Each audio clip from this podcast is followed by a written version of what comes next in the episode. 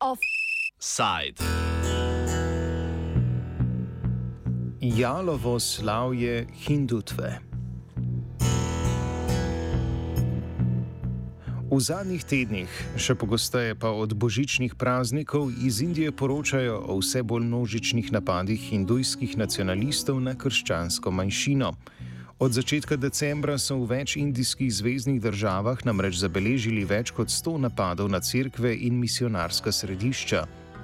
V začetku decembra je denimo 500 hindujskih nacionalistov, domnevno povezanih z vladajočo, vladajočo stranko BJP, napadlo katoliško šolo v zvezdni državi Madhya Pradesh.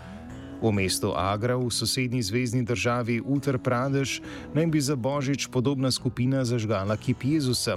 V bližini indijske prestolnice New Delhi, natančneje v mestu Ambala, pa so opustošili protestantsko crkvo iz obdobja britanskega kolonializma. Da se je število napadov povečalo v prazničnem času, sicer ni na ključje. Med krščanskimi prazniki se na ulicah indijskih mest tradicionalno poveča misionarska dejavnost. Ravno misionarska dejavnost, po mnenju hindujskih paramilitarističnih skupin, misionari pri pokristjanjevanju uporabljajo nasilne metode, naj bi bila glavni povod za krepitev protikrščanskega sentimenta med večinsko hindujskim prebivalstvom. Močno razširjene domneve, da se krščanski misionarji poslužujejo nasilnih in goljofivih metod v indijski družbi, nikakor niso nove, pojasni Ram Punjani iz Centra za, za študije družbe in sekularizma v Mumbaju. These recent attacks on Christians in India are because of the communalism, uh, the politics in the name of religion, which is increasing in India. And they are uh, propagating that Christian missionaries are out to convert by force or fraud or allurement. So these are the three things that uh, Christian missionaries are using this to convert the people. So it is because of this uh, uh, uh concoction that many people take to arms and attack the Christian missionaries scattered all over. Krščanska manjšina v Indiji šteje slabe 3 odstotke prebivalstva, oziroma slabih 28 milijonov. Največje krščanske skupnosti se nahajajo ravno v zvezdnih državah in mestih, kjer so se v zadnjih mesecih zgodili napadi. Za večino napadov naj bi bili odgovorni pripadniki nacionalne prostovoljske organizacije, bolj znane pod kratico RSS. Ta velja za vojaško organizacijo, ki je ideološka sopotnica vladajoče stranke BJP pod vodstvom indijskega predsednika Narendra Modija. Ta stranka in organizacija RSS sta obe članici neformalne skupščine Sankt Parivar, ki je znana po prakticiranju hindutve, najbolj razširjene oblike ideologije hindujske hegemonije.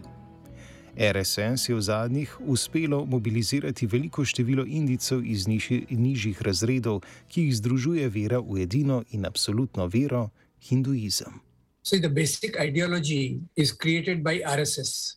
RSS actually is the central organization which creates the ideology that Christians are foreigners, Muslims are foreigners. And uh, from that, then uh, there is a Vishwa Hindu Parishad, there is Vanvasi Kalyana Ashram, uh, who tried to spread it in this form.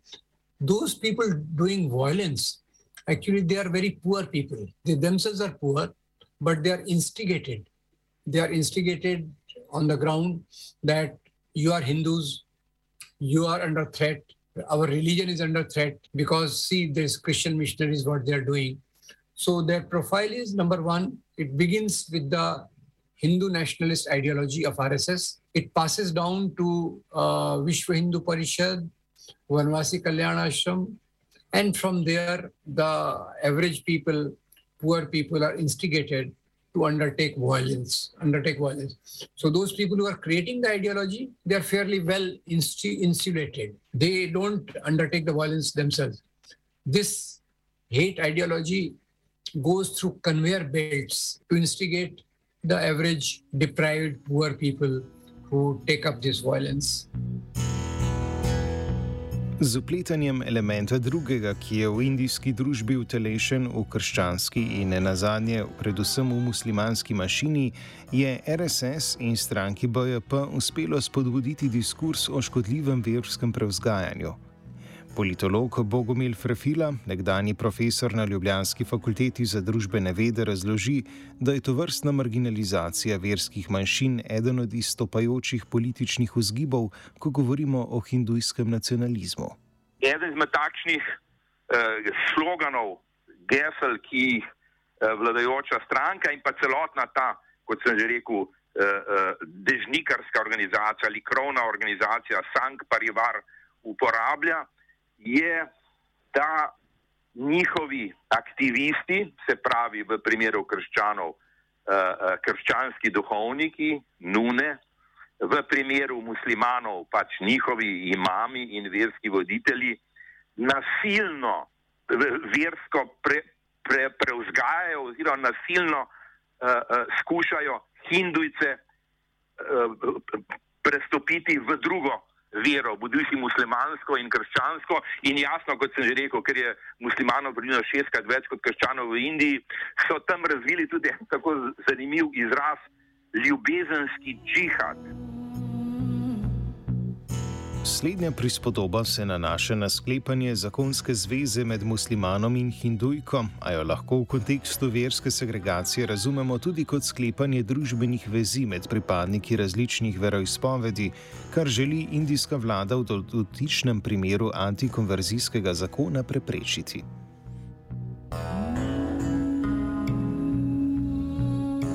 V devetih indijskih zvezdnih državah, kjer je bila v zadnjih letih na oblasti stranka BJP, se je uveljavil tako imenovani antikonverzijski zakon.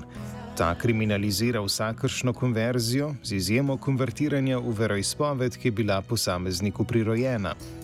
Zakon v praksi pod pretvezo zagotavljanja verske svobode potihem omogoča nasilno spodbujanje verskega prevzgajanja v prevladujočo hindujsko veroizpoved. Za kršitve zakona pa so predvidene več desetletne zaporne kazni. Prisilno pokristjanjevanje je pa v nekaterih državah, torej ne vseh, vemo, da je Indija federativna država, eh, zelo ostro kaznovano. Tudi do 19-20 let je, če grozi za prisilno pokristjanjevanje. In seveda, ko se pa ta stvar znajde na sodišču, je pa to zelo, bi rekel, široko in nedefinirano območje. Kajti kaj ti, uh, a veste, kaj je prisilno, kaj je prostovoljno, uh, tu potem obtožujejo se, da tako kristijani in, in muslimanski uh, dostojanstveniki vabijo vernike s tem, da jim dajo denar. Antikonverzijski zakon so na zadnje potrdili poslanci parlamenta Zvezdne države Karnataka, ki bo tako postala deseta zvezdna država s to vrstno zakonodajo. Po mnenju Rama Punjanja gre pri uveljavljanju omenjenega zakona za zastraševanje verskih manjšin, to pa se naposled v dejanju nacionalističnih napadih, ki jih indijski kristijani doživljajo v zadnjih mesecih. Karnataka law is in a different way connected to it, not directly. See, Karnataka government, uh, Karnataka is now being led by BJP. So, and BJP government, wherever it comes to power, it generally tries to instigate the Christian minorities and Muslim minorities, both. It tries to instigate them. And uh, Karnataka bill is a step in that direction to intimidate uh, the Christian minority. And uh, with legislations like this, the people get encouragement to unleash themselves against the Christians. So Karnataka bill is a step to intensify these attacks. Tako je opaziti korelacijo med zaostrovanjem nasilja nad verskimi manjšinami in vladanjem stranke BJP v indijskih zvezdnih državah, a stranka odkrito ne podpihuje medverskega sovraštva. Stranka predsednika Narendra Modija zato namreč uporablja ideologijo drugega in tujega, s tem pa uspe v množicah z nižjimi prihodki vzbuditi nacionalizem. Wherever they are ruling, in the, there is an increase in the violence against minorities. But uh, BJP won't directly talk of violence. It will talk of violence in a dog whistle manner, in a subtle manner. And uh, it mainly talks about uh, it, its talk creates hatred. And that is picked up by other organizations to undertake this uh, violence. So it is not talking, it won't, by and large, BJP will not talk the language of violence. It will talk the language that Christians are foreigners, Muslims are foreigners. That will be their basic talk. And from there, they will go on saying that these Christians are increasing in number. And this will be picked up by other layers of society to unleash the violence. Indija je ustavno sicer sekularizirana država, saj se je tu v svetovnem merilu rodilo največ različnih veroizpovedi. Indijo so skoraj dve stoletji vodili tudi muslimanski konkvistadorji, ki so množično islamizirali prebivalstvo, naposled pa so britanski kolonialisti upeljali krščanstvo.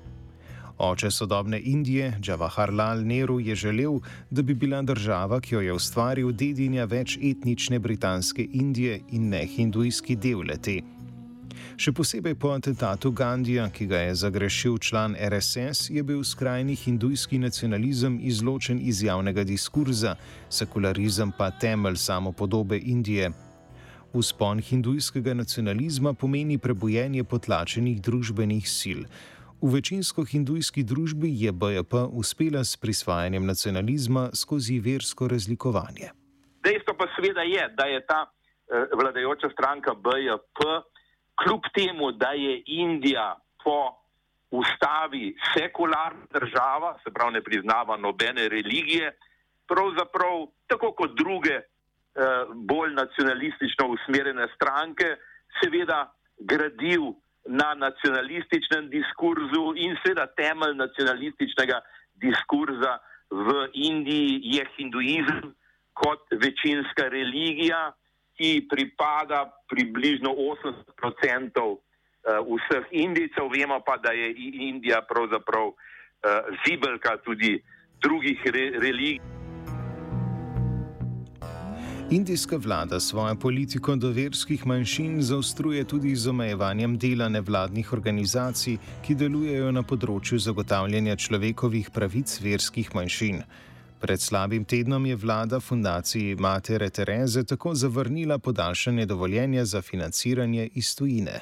Since the BJP government has come to power, it is trying to uh, control the activities of those NGOs which are directly or indirectly of some help to the minority groups. So, Mother Teresa groups and uh, even other NGOs, there are many other NGOs who have been trying to uh, provide human rights assistance, survival assistance to religious minorities. So BJP, in a blanket way, is curtailing their funds, what they call NGO, non-government organization. And Mother Teresa, organization is also one NGO. So and they, she, it is identified with Christianity. So it's an indirect way of targeting the Christian minorities. Pripadniki verskih manjšin v Indiji večinoma pripadajo nižjim slojem, kar izvira iz dediščine kastnega sistema. Najnižjim kastam ni bilo dovoljeno prakticirati hinduizma in so se zato v strahu spreobrnili v druge veroizpovedi. Preteklosti, naprimer, za to najnižjo kasto, ki jo je Gandhi imenoval nedotakljivi ali daliti, danes jo imenujejo, je bilo značilno, naprimer, da niso smeli, pa so bili hindujci, niso smeli prepevati hindijskih molitev in hindijskih pesmi. Če so jih dobili, so jim iztrgali jezike.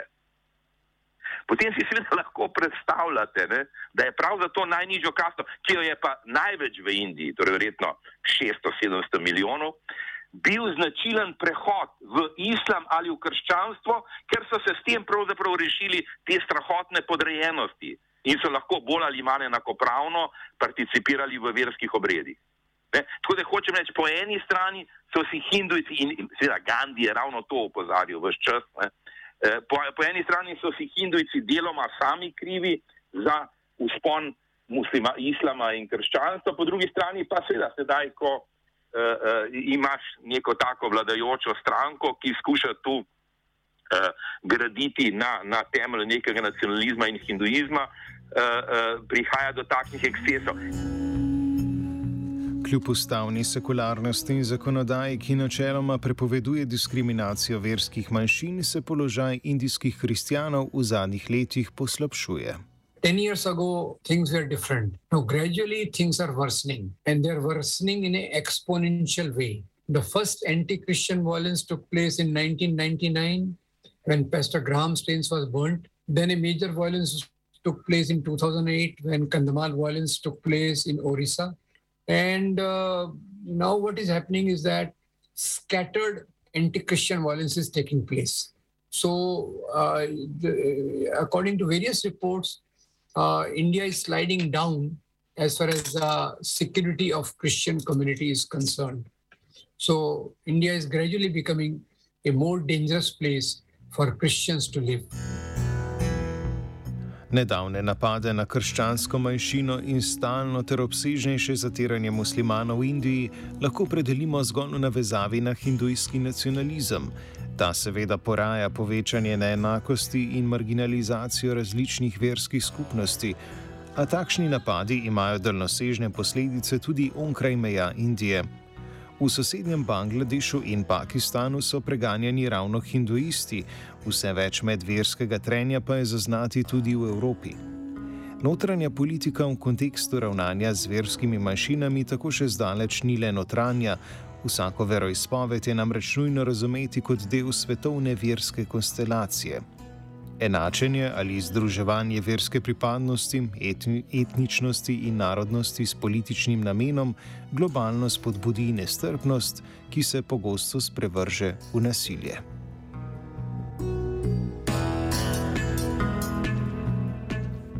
Offside je pripravil Matija.